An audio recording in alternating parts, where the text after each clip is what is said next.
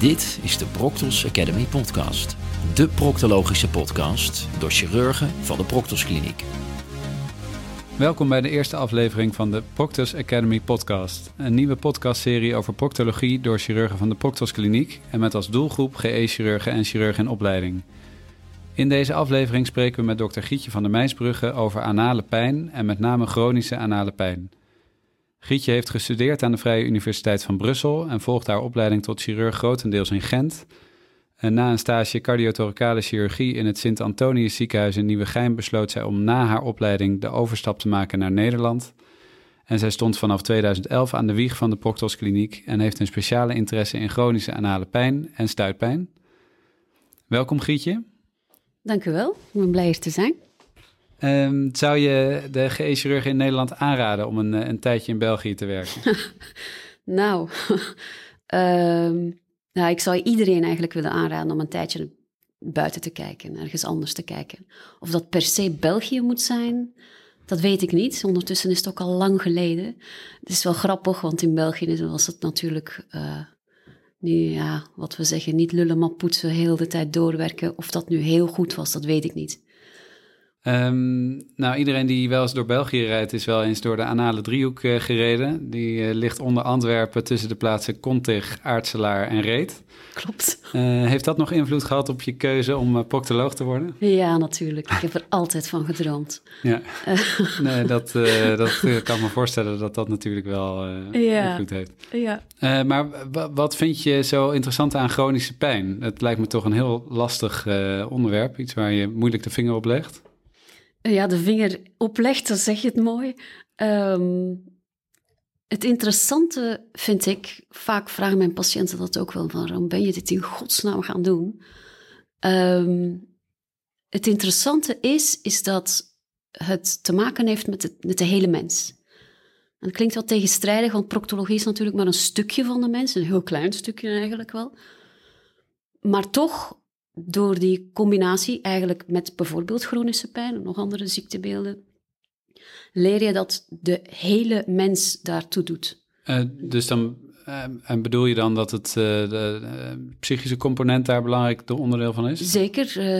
Het, het, biomedische model, hè, zoals we zeggen, dus het lichamelijke, maar ook het psychosociale, spirituele model, komt allemaal samen bij mensen met onder andere chronische pijn. En daar wordt het heel duidelijk en is het ook best wel goed onderzocht. Ja, eh, eh, want ik uh, vond dat een van de risicofactoren voor chronische anale pijn is het eigenlijk onbehandelde acute anale pijn. En daar hebben we dan oorzaken voor, zoals een fissuur of een absces of een fistel. Um, en klopt dat als je dan dat pijn heel lang onbehandeld laat, dat dat dan tot in chronische pijn kan veranderen? Nou, dat is één van de risicofactoren. Hè. Het is dus zeer uitgebreid onderzoek gedaan naar alle mogelijke predictieve modellen om chronische pijn, wie dan wel of niet ontwikkelt, eh, te gaan onderzoeken. Maar dat is, dat is helemaal niet zo duidelijk. Um, postoperatieve pijn is goed onderzocht, onder andere. Uh, en als je dan bedenkt, uh, om een beetje een idee te krijgen, heb ik opgezocht, ongeveer 320 miljoen mensen worden per jaar geopereerd. En 10% ontwikkelt chronische postoperatieve pijn. Maar dat is best veel. Dat is heel veel. Dat is heel veel. En dat wordt dan ook gedefinieerd als aanhoudende pijn, langer dan drie maanden tot een jaar uh, op de plek van de operatie. Is dan de postoperatieve pijn um, minder bij laparoscopische chirurgie? Nee, nee, dat is dus het gekke. Um, dat sinds de intrede van de laparoscopie is, is dat niet veranderd. De, in, de uh, prevalentie van de postoperatieve chronische pijn. Dus dat, dat betekent dat er dus een enorm aandeel is van associatieve paden die invloed uh, hebben op het ontwikkelen van chronische pijn. Ja, maar uh, komt dat dan vaak door dat je uh, een zenuw beschadigt of iets? Dat kan, um, dat kan. Alleen er zijn ook echt andere modellen. Hè? Dus het biomedische model verklaart chronische pijn niet. Het biomedische model als zijnde van er zijn geen lichamelijke afwijkingen meer te zien. Uh, wat duidelijk is, is dat bij patiënten bij, met uh, chronische pijn, op functionele MRI's, is het corticolimbisch systeem uh, verstoord. En, en hoe komt dat dan? Hoe ontstaat zoiets? Het is overactief. hoe dat precies ontstaat, dat weten we niet.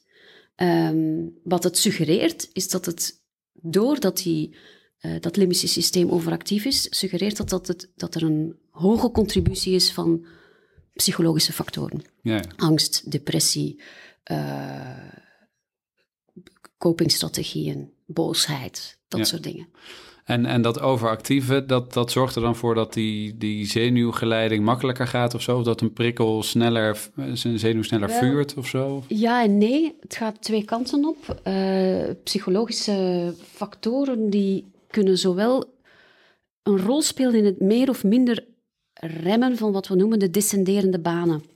Van, eh, die vanuit eh medullair, corticaal, spinaal gaan. Maar we hebben dus een systeem in ons lichaam wat pijn dempt. En die psychologische factoren, die eh, zijn aangetoond dat die zowel kunnen dempen als stimuleren van de pijn dus. Dus of, minder of meer inhibitie van die descenderende banen geven. En we, de- met een stom een voorbeeld, als je enorm gefocust bent bijvoorbeeld, is een manier om te dempen, want dan voel je minder pijn. Ik heb allemaal het voorbeeld van de Australische surfer die iets voelt aan zijn been op zijn surfplank springt, terwijl hij zich gefocust naar de golf kijkt en merkt dat er zijn onderbeen mist. Dat, dat is echt gebeurd. Dat heb ik niet gevoeld. Lijkt me moeilijk staan. Met, Ja, lijkt me moeilijk staan.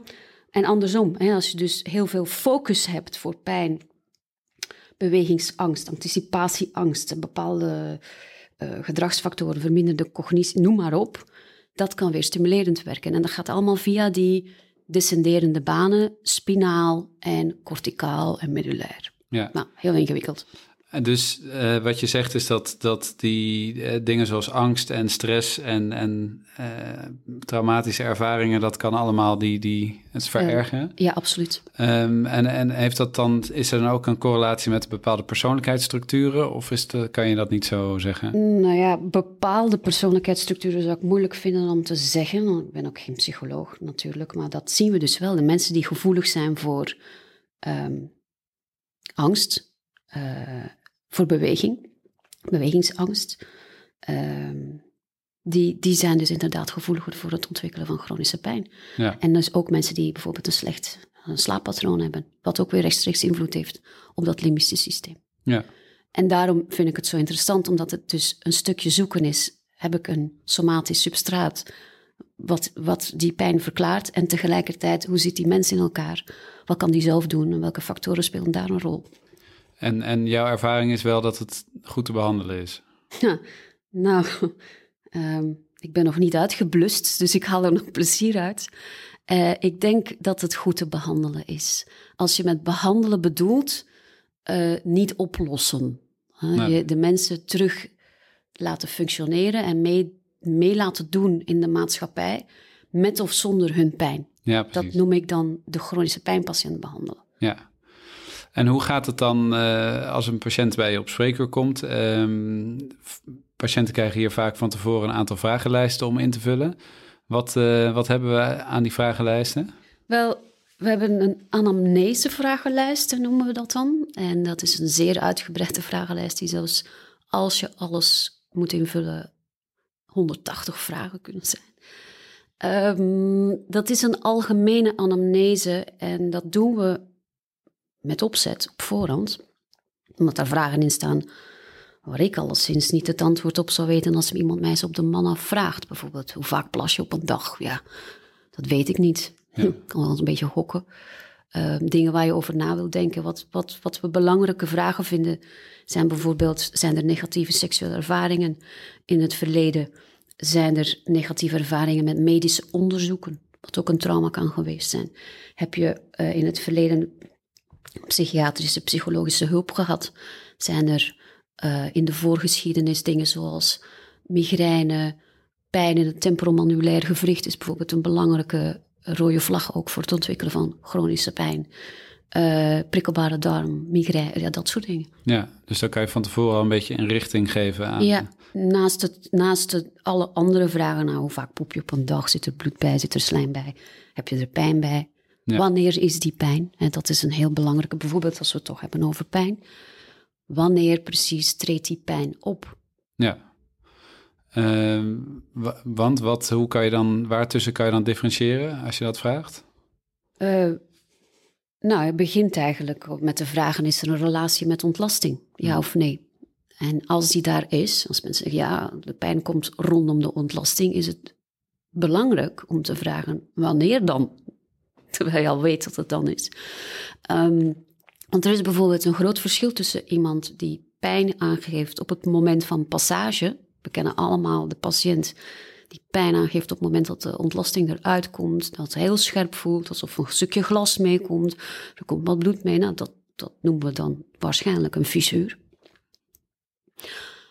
Maar die pijn, die kan ook na, na de ontlasting juist opkomen. Of beide. Dus als het daar stopt, de anamnese, dan denk je, nou, die patiënt heeft een fissuur, dan gaan we wat uh, diltiazem of een laxeerbeleid, een pijnstoen. Maar als er nog de acute pijn rondom de passage, als die stopt, pak een beet, een half uur later, komt een nieuwe pijn. Meestal een andere pijn, een brandende pijn, die uren aanhoudt.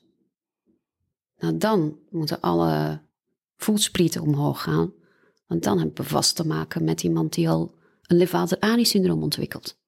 Ja. Bekkenbodempijn. En uh, ja, dat is iets, voordat ik hier werkte, had ik daar eigenlijk nog niet echt van gehoord. Maar uh, nu merk ik dat het toch heel veel voorkomt. Of eigenlijk uh, veel meer dan, dan ik had verwacht. hoe ontstaat Levator-Ani-syndroom eigenlijk? Is dat... Ja, dat, dat is nog steeds onduidelijk. Wat we zien is dat er een relatie is met langdurige pijn of operaties in het kleine bekken. Hmm. Maar ook niet-chirurgische trauma's. En dat is een pijn vanuit de bekkenbodemspieren? Ja, ja het Levator-Ani-syndroom staat ook in de Rome 4-criteria bij de functionele pijnklachten. Um, het is dus pijn die uh, langer dan een half uur aanhoudt, langer dan drie maanden aanwezig is, komt en gaat, uh, waar geen ander substraat voor gevonden wordt. Ja. En, wat belangrijk is, bij het lichamelijk onderzoek, want het staat ook in de Rome 4, heb je dorsale rekpijn bij het aanhaken van de puborectalis. Ja. Wat heel simpel te onderzoeken valt bij een rectaal touché, als het mogelijk is. Ja, uh, dus je zegt de, de, de rekpijn van de, van de puborectalis. Um, en bij de anamnese is dan het enige, of het, het belangrijkste is eigenlijk dat die pijn dus lang aanhoudt nadat je ontlasting hebt gehad. Dat ja, is kenmerkend. Kijk, wat, wat je wat ik, wat ik vaak terughoor van de patiënten is, nou, vaak mensen die hier komen zijn al, al lang behandeld geweest, bij mij, die bij mij komen. Want ze komen dan voor chronische pijn uiteraard. En de reguliere um, middeltjes die we hebben voor fissuur hielpen allemaal niet. Dus dan krijgen ze ook zorgen van, heb ik dit dan wel? Hebben ze niks gemist? Dan krijg je, dat is nog een heel ander verhaal. Um, maar bij de anamnese kan je al heel snel dat verschil uitmaken. Want als zij dus zeggen, ja, maar ik heb ook brandende pijn, die houdt uren aan. Of de toetsvraag, zit er een pauze tussen de twee pijnen? En verandert de pijn van karakter? Dat kan je al helpen om extra informatie te krijgen, om te kijken of er Levator-Ani-syndroom sprake is. Met het lichamelijk onderzoek, rectaal touché, als het kan. Of vaginaal bij vrouwen. Dorsale rekpijn, is dat aanwezig? Hoe voelt die bekkenbodemspier? Is die heel strak? En dan kan je die patiënt een optimale behandeling geven. Want alleen de kringspier behandelen zal het probleem nooit oplossen. Nee. En, en is dat dan vaak, uh, want je geeft nu het voorbeeld van na een fissuur, dat mm -hmm. patiënten al lang voor een fissuur zijn behandeld. Uh, is dat ook vaak de aanleiding van Levator-Ani-syndroom? Of kan je dat ook hebben bij, bij uh, fistels of andere anale pathologie? Bij fistels zien we het zeer weinig, omdat fistels ook niet echt chronisch pijn doen. Het is gewoon alleen echt uitermate irritant. Ja. Um, bij fissuur zien we het vaak. Um, bij chirurgie in het kleine bekken zie je het vaak. Gynaecologisch. Uh, bij ernstige stress, emotioneel. En bij ernstig trauma. Dus negatieve seksuele ervaring. Kan, kan zomaar 30 jaar geleden zijn. Ja, en hemorroïden niet, uh, denk ik, hè? Um, ook, alleen hemorroïden, het is een beetje zoals Vistel doen, vaak geen pijn. Nee. Het gaat wel, wat je wel krijgt bij hemorroïden is dat als er prolaps bijvoorbeeld is, en mensen voelen dat de hele tijd, dat ze een onbewuste contractie van die bekkenbodemspier houden om ja, de aanbij binnen te houden. En dat je dus een overactiviteit krijgt en dus pijn. Mhm. En er is nog een subtiel verschil als we echt de diepte in gaan. Want niet elke levator-ani-syndroom gaat gepaard met een te strakke bekkenbodemspier. Je kan ook die bekkenbodemspier voelen die pijnlijk is. De patiënt geeft dat heel duidelijk aan dat dat de pijn is. En die voelt helemaal soepel aan. Er zijn nog, dus dat is nog een subcategorie onder de hypertonie van de puberectalis, wat we dan noemen die nog het allerlastigste te behandelen is. Voor de hypertonie kan je met bekkenfysiotherapie, triggerpointbehandeling, een tensapparaat op de lage rug, uh, spierontspanners, uh, geruststelling. Daar kun je allemaal mee aan de slag. Uh, of desnoods, als dat allemaal niet helpt, botox in de puborectalis. Ja. Bij iemand zonder hypertonie valt dat weg.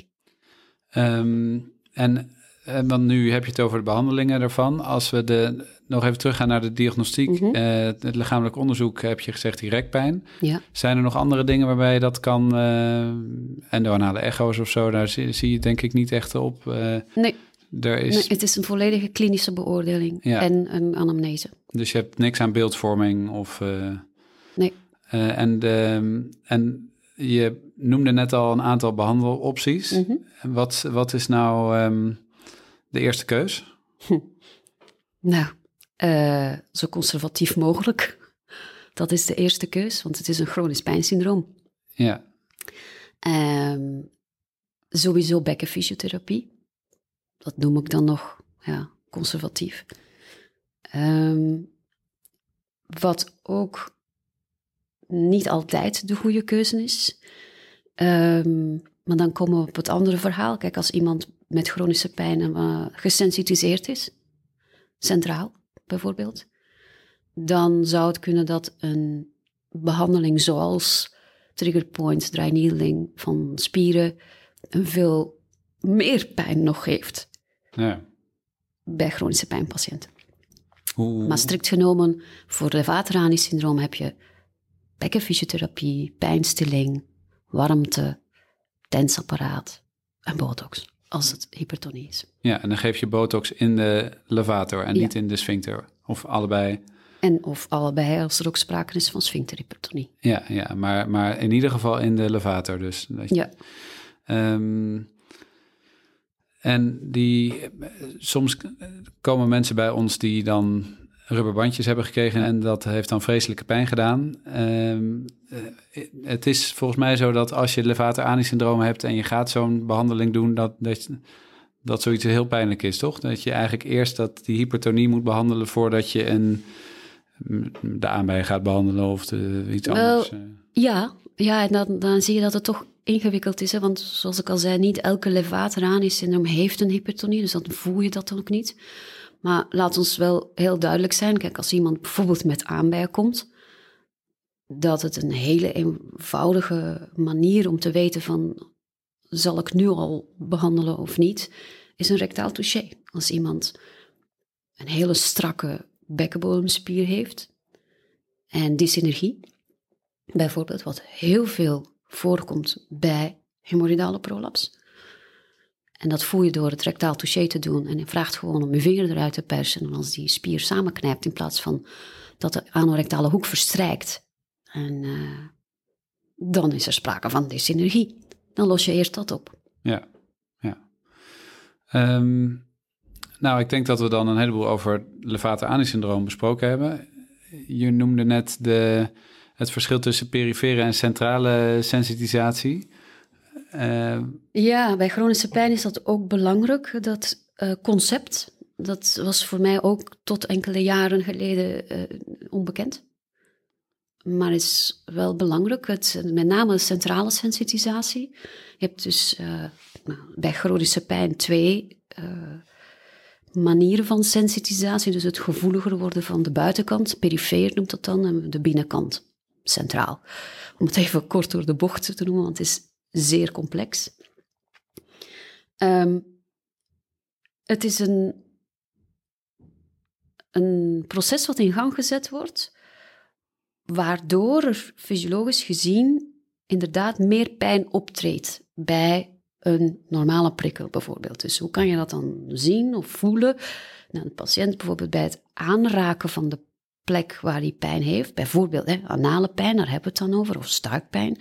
Als je de huid aanraakt met je hand en dat doet pijn, dan is er sprake van allodynie.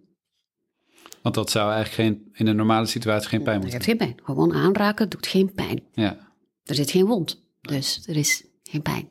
Dat Ja. betekent allodynie. Nou, dat is ook al een signaal. Er is meer aan de hand dan alleen een acuut probleem.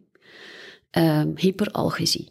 Dus het wel een pijnprikkel geven, maar die extreem veel pijn doet Ja. ten opzichte van wat, wat je verwacht, bijvoorbeeld, is ook al een signaal. Pijn die uitspreidt, noemen we dat dan. Het begon hier, maar het wordt steeds meer, of het gaat ook daarheen, is een signaal van centrale sensitisatie. En waarom is dat dan zo belangrijk? Want je kan zeggen, ja, dat horen bij de pijnpolie allemaal. Nou, omdat er gebleken is als een persoon centrale sensitisatie heeft vanaf een bepaalde mate, als je daar besluit om een behandeling voor in te zetten, bij centrale sensitisatie is de kans groot dat de dissatisfaction na de behandeling echt heel hoog is. Of dat er gewoon nog meer pijn overblijft. Mhm.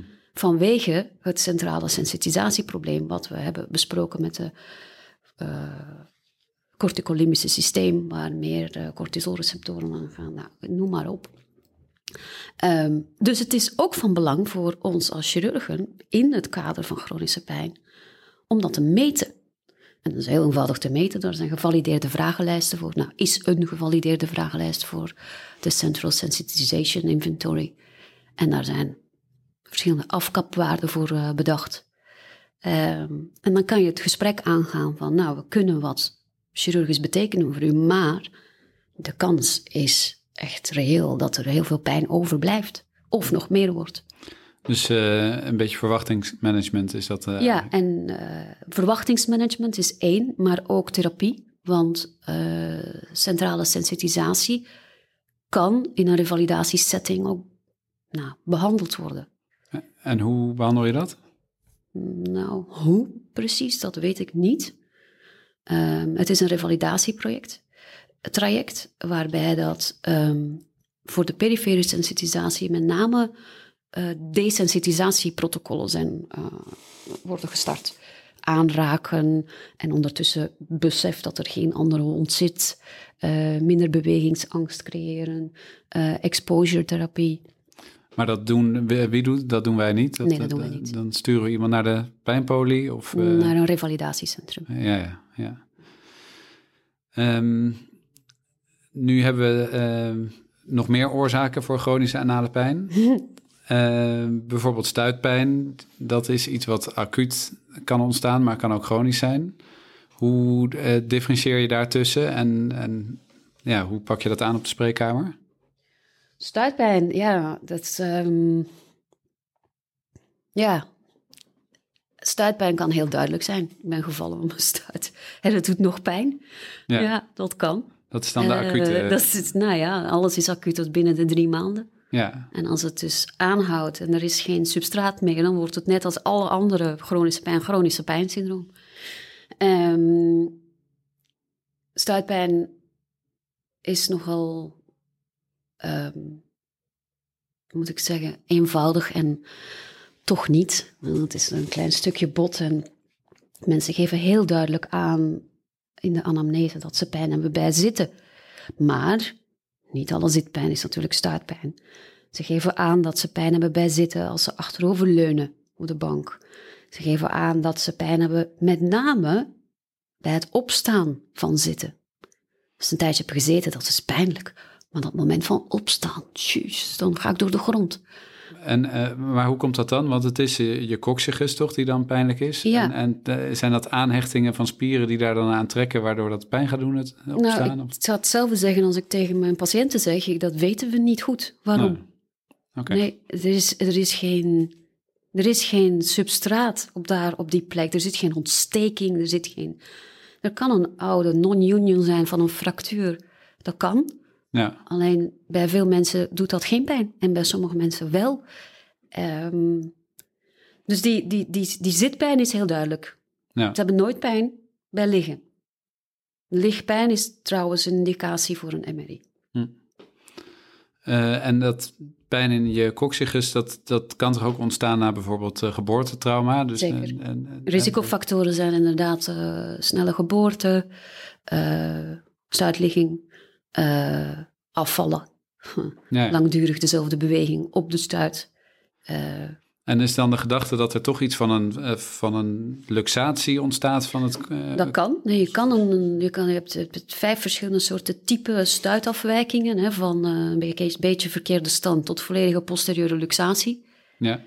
Maar ook dat is niet een als-dan uh, relatie. Je hebt heel veel mensen die een ontzettend bewegelijke stuit hebben, die geen pijn hebben. Nee. En dan heb je andere mensen die een volledig vastzittende stuit hebben, die wel pijn hebben. Ja. De, de, dit is uit ervaring, want de, de meeste pijnplekken zijn of op de tip van de stuit of op uh, wat we noemen intradiscaal tussen COX 1 en COX 2. En daar zit dan op die plek ook wel vaak de meeste mobiliteit. Dat merk je ook wel. Maar er is geen als-dan relatie. Want dat onderzoek je uh, inwendig en uitwendig met het lichamelijk onderzoek? Klopt. Dus je onderzoekt sowieso bij iedereen of er sprake is van uh, uh, pijn in bepaalde dermatomen, of er allodynie hyperalgesie, of er sensibiliteitsstoornissen zijn, of er normale temperatuurgeleiding is, of het symmetrisch is, wat ze links en rechts allemaal voelen. En, en dan op de stuit ga je de pijn gaan zoeken. Wat, wat bij het lichamelijk onderzoek wel eens verraadt dat er een, een, anatomisch substraat zou kunnen zijn, is dat er een soort dimpel in de natest zit. Heel klein putje. Um, en die komt vaak overeen met de plek van een uh, spicula op de coccyx. Dat er een botspicula op zit. Op, de, dus een, op een foto zie je dat dan? Nou, dat voel je echt. Oh. Dat voel je echt. En op de foto kan je dat ook zien, maar je voelt hem echt. Je hebt ja. geen foto nodig okay. om hem te, om te, te, weten dat hij er zit. En als dat ook echt duidelijk de plek is van de pijn, dan kan je je voorstellen dat er nog een soort hanenkam in bot aan die stuit hangt. Ja, dan dat is pijnlijk ja. om op te zitten. En dan is de behandeling daarvan om het weg te halen? Nou, nee, niet direct. Dat hoeft niet altijd. Je kan uh, lokaal gaan behandelen met uh, uh, lokale kort- en langwerkende verdoving. Cortisone, met lidocaïne, depomedrol, ook dat is niet duidelijk of het nodig is om echt cortisone bij de lokale verdoving te brengen. Maar goed, hier kiezen wij daar wel voor.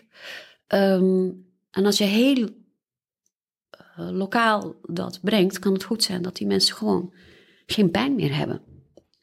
Dus dan, Ook met een botspicula. Ja, ja. Dan komt het niet terug als het helemaal uitgewerkt is. Ja, of het niet terugkomt, dat weet ik niet. Maar er zijn mensen die jaren wegblijven. Ja. En er zijn ook mensen waar het na drie maanden weer terugkomt. Of na een jaar weer terugkomt, de pijn. En, die, en dan zijn de opties om het of te blijven herhalen, afhankelijk van de gezondheid van de huid. De wens van de patiënt, de frequentie dat de pijn terugkomt, dus de snelheid eigenlijk. Kan je kiezen om het weg te halen. En wanneer kies je voor, uh, wat is de, wanneer kies je voor een coccygectomie? Als alle andere opties uh, onvoldoende bevredigend resultaat geven. Ja. Of als er echt een uh, duidelijke luxatie is. Dus als de staat echt volledig ernaast staat. Ja. En de pijn daar ook zit. Um, en als er geen sprake is van gelijk welke andere pijn. En geen sprake is van centrale sensitisatie. Dat dan niet. Uh, want als er sen centrale sensitisatie is, moet je eerst desensitisatie... Ja, ja liefst wel, ja. Omdat um, de kans, wat ik al zei, groot is dat de, of de pijn blijft ja. door de sensitisatie en het chirurgisch trauma dat je teweeg brengt. Wat ook weer rechtstreeks naar dat limbisch systeem gaat. Ja. En uh, of de pijn erger wordt. En, en nog even over die sensitisatie. Dat is dus, is, als ik het goed begrijp, het concept is eigenlijk dat het van, van lokaal naar centraal gaat. Hè? Dus dat je de pijn centraal beleeft en dat je dat Nee, er zijn centrale veranderingen in het systeem, Ja, waardoor pijn eigenlijk minder gefilterd wordt of aangaat bij bepaalde emoties. en daarvoor dat behandelt de medisch psycholoog. Die, Is daar een onderdeel van? Dat hoort in een team te gebeuren. En dat wordt behandeld bij een revalidatiecentrum. ja, precies. Oh ja, Ja. waar we het net over, Ja. over hadden. Ja. Ehm, en de succespercentages van zo'n coccygectomie, eh, hoe zijn die?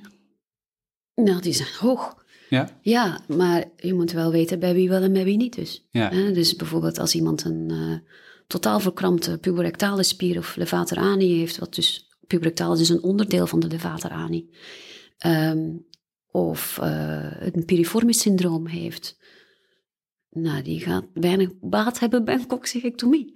Dan ga je dat eerst behandelen. Ja. En dat moet je dus ook onderzoeken bij iemand bij stuitpijn. Ja. Ehm, trigger points zijn belangrijk. Bijvoorbeeld voor zo'n, zo'n- ja, ik noem het dan een stomme stuitpijn. Ja, kan een trigger point in de multifidi bij de rug kan stuitpijn geven. En wat houdt dat, eh, wat is dat precies, een trigger point? Een trigger point is eh, vanuit eh, fysiotherapie, hè, dus een, een, we noemen dat in de volksmond een spierknol.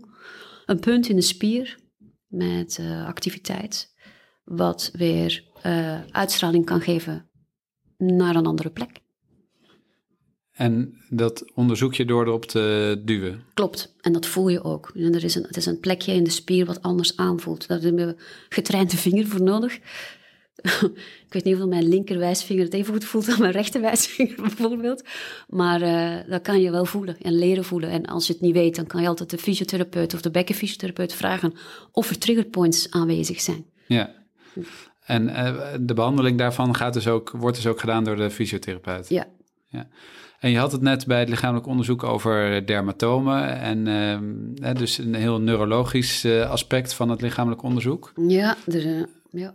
En hoe, hoe, eh, hoe, hoe leid je dat naar een diagnose? Ja, dan komen we de wereld van de neuropelviologie binnen. Eh, wat op zich ook een vak apart is. Ehm, hoe, hoe, het, het gaat net hetzelfde als bij een ander neurologisch onderzoek. Dus ehm, mensen die chronische pijn hebben op een bepaalde plek, is de eerste reactie, wat een logische reactie is, is te gaan kijken naar die plek. Mhm. Nou, als daar geen substraat is, somatisch, dan is daar niets volgens hun.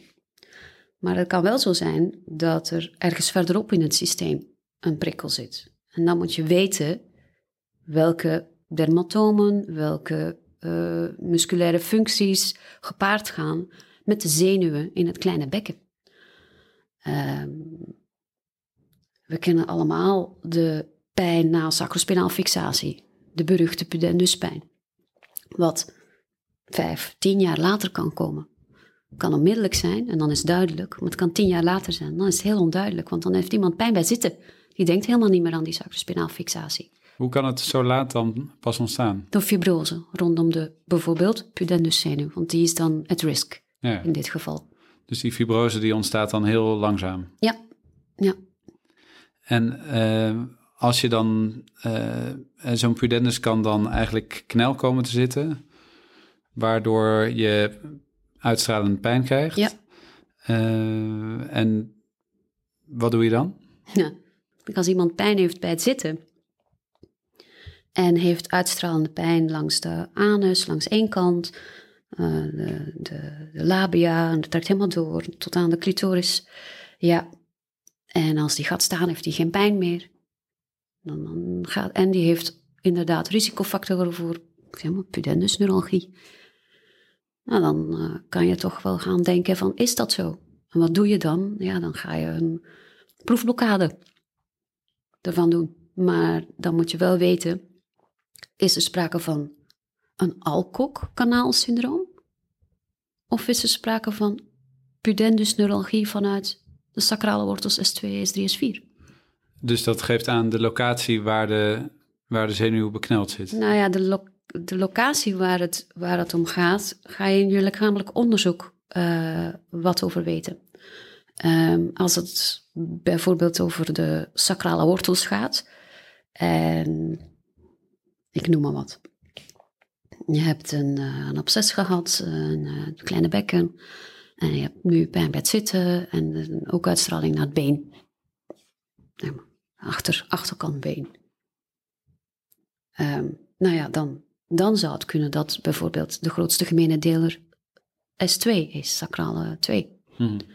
Wat een stuk naar de nervus sciaticus gaat, maar ook een poot heeft die de pudendus betrekt. Maar ook een tak afgeeft naar de blaas. Dus er moeten ook blaasklachten zijn dan. En zo ga je op zoek. Als iemand geen pijn heeft in zijn been, nou, dan is dat niet aan de orde, want dat kan niet.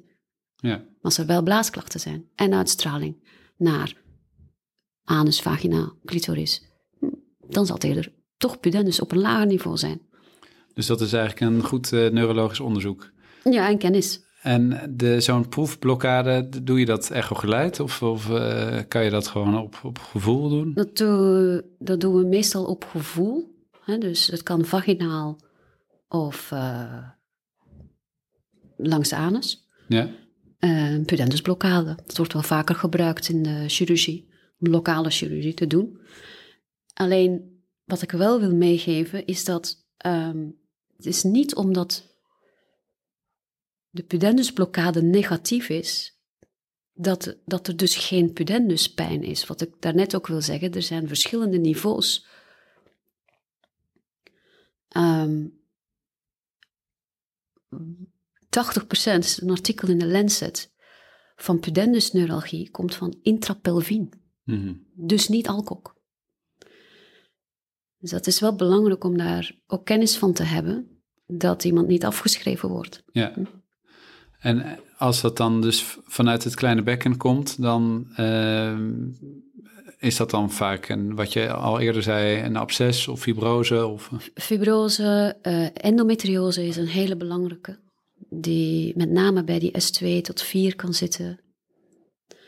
Uh, dat zijn denk ik de meest voorkomende problemen, maar ook na chirurgie.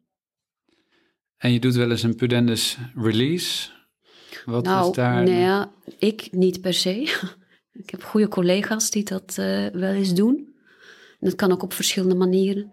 Dat is ook wel nog een hele moeizame, moeizame wereld, omdat juist het gaat om chronische pijn en omdat ik juist de, het belang van die psychosociale, spirituele factoren een enorme rol zie spelen. Dat de indicatie voor pudendus release is echt via de bil of alcoholkanaal of transgluteaal dus. Hè. Dat kan je zowel laparoscopisch als open doen. Um, beperkt vindt. Um, en ik denk als dat in het arsenaal van iemand zit, dat je dus ook laparoscopische releases zou moeten kunnen doen, intrapulvien, omdat de meerderheid van de pudendus neuralgieën van die origine zijn. Nou, daar is nog een hele weg te gaan, denk ik, want dat doen we niet. Nee, nee, niet hier. En je had het over dat, uh, het psychologische en het spirituele aspect ervan. Hoe, hoe, in hoeverre moeten we daar als chirurg iets mee? En, en hoe kan je dat gebruiken in de, in de spreekkamer of in, de behandelingen die Nou, ik denk dat het met name voor chronische pijnpatiënten is het van, van onmisbaar belang te weten hoe iemand zijn thuissituatie in elkaar zit. Of je dat als chirurg allemaal moet weten, nou als je wilt die patiënten behandelen, dan wel. Of alleszins moet er iemand in het team zijn die dat eh, meebehandelt. Want zo'n patiënt behandel je niet alleen. Dit is in een team. Uh, je hebt een uh, medisch psycholoog nodig, je hebt een netwerk nodig van revalidatieartsen, pijnspecialisten, uh, noem het op.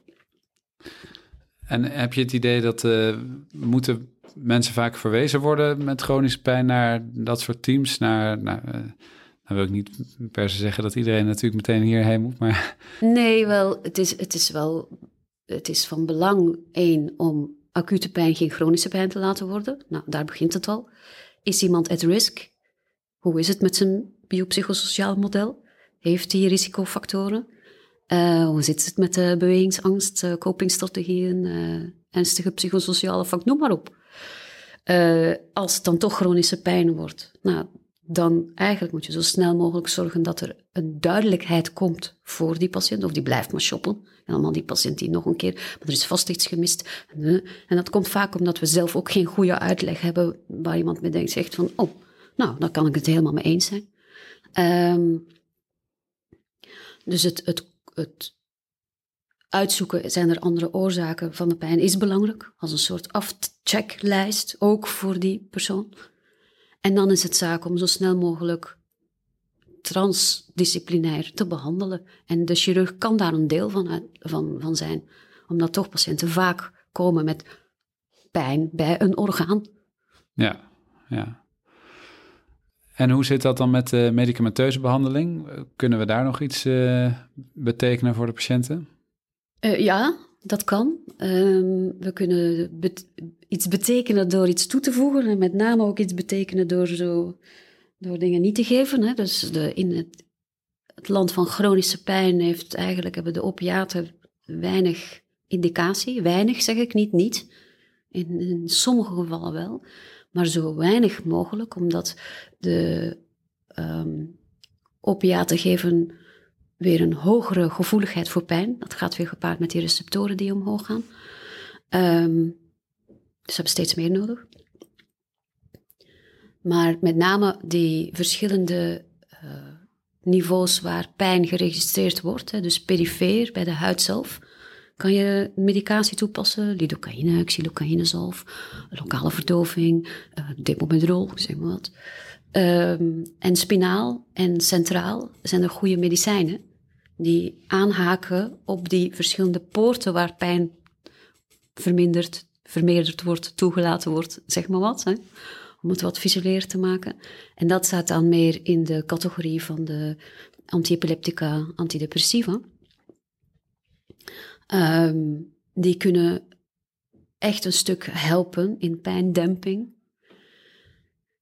Van belang is ook als je zoiets start, met name de antidepressiva of morfines, als je het start, is dat het afbouwproces echt belangrijk is en niet zomaar vanzelfsprekend. Uh, tapering is uh, best pittig als iemand een tijdje op deze medicatie heeft gestaan en hoort ook begeleid te worden door degene die het heeft voorgeschreven. En het jammere is, is dat um, de afbouwdosissen niet in de reguliere medicatieverpakkingen zitten en ook niet terugbetaald zijn voor die patiënten. Maar je gaat, um, denk ik, pas afbouwen als de, de pijn minder wordt of als de oorzaak... Nee, als, als het niet helpt. Als het niet helpt, ja, ja. Ja. Of bijvoorbeeld als iemand op jouw spreker komt die al zes maanden fentanyl gebruikt ja. met chronische pijn. Waar wel bijvoorbeeld een duidelijke somatische chirurgische indicatie is. Ja. Bijvoorbeeld. Die wil je niet nog een keer en centraal gesensitiseerd is. Als je daar nog een operatie bovenop doet. Nou, dan heb je geen idee wat het resultaat zal zijn. Ja. Qua pijnbeleving. Dus die wil je zoveel mogelijk afgebouwd hebben. Ja. En als ik het uh, nou zo hoor, klopt het dan een beetje dat mensen die, die chronische pijn hebben waar je toch iets van een fysiologische oorzaak vindt, dat je die makkelijker behandelt dan wanneer je dat niet vindt en dat, dat je dan sneller uitkomt op het leren omgaan met de pijn dan dat je echt iemand ervan afhelpt? Um, ik vind dat iedereen met chronische pijn moet leren omgaan. En ik vind dat de boodschap moet zijn um, dat het leven draaglijker gemaakt wordt. Dat we ondertussen zoeken wat er aan de hand is, maar dat niet zozeer van de pijn afkomen. De focus moet bij iedereen van de pijn af. Dus de, de patiënt moet stoppen met focussen, ik wil minder pijn. Want per definitie focus je dan op de pijn. Het is juist leren die focus weghalen. En als je een somatisch substraat hebt, is het fijn. Maar iemand met chronische pijn is maar de vraag of als je dat hebt opgelost, of de pijn ook weggaat. Ja. ja. Mooi, nou dan zijn we richting het einde van, van de, deze aflevering. Um, wat zou je nog willen meegeven aan, het, uh, aan de luisteraars? Wat zijn belangrijke dingen die misschien niet zo bekend zijn bij in de, onze chirurgische wereld uh, in, Nederland? Of, of dingen die we, waar we misschien beter op moeten letten? Um, nou, heel eenvoudig. Um, doe bij iedereen het rectaal touché op zoek naar um, hypertonie van de puberrectalis en of dorsale rekpijn. Dat helpt jou in het vervolledigen van de behandeling en misschien ellende voorkomen. Voorzichtig met rubberbandligatie als er inderdaad sprake is van dysynergie, pijn bij dorsale rek van die puberrectalis, want dat kan allemaal nog veel erger worden. Um, hou rekening met centrale sensitisatie en de, het biopsychosociale model voor chronische pijn. Dus even checken hoe zit die patiënt erbij. Um, en het, het behandelen van een chronische pijnpatiënt hoort in een team. Recht. Ja, mooi. Nou, de, mooie afsluitende boodschap. Gietje, dankjewel. Graag gedaan. Voor deze leerzame aflevering. Dank u voor de uitnodiging. Dit was de Proctos Academy podcast. Dank voor het luisteren en graag tot de volgende aflevering.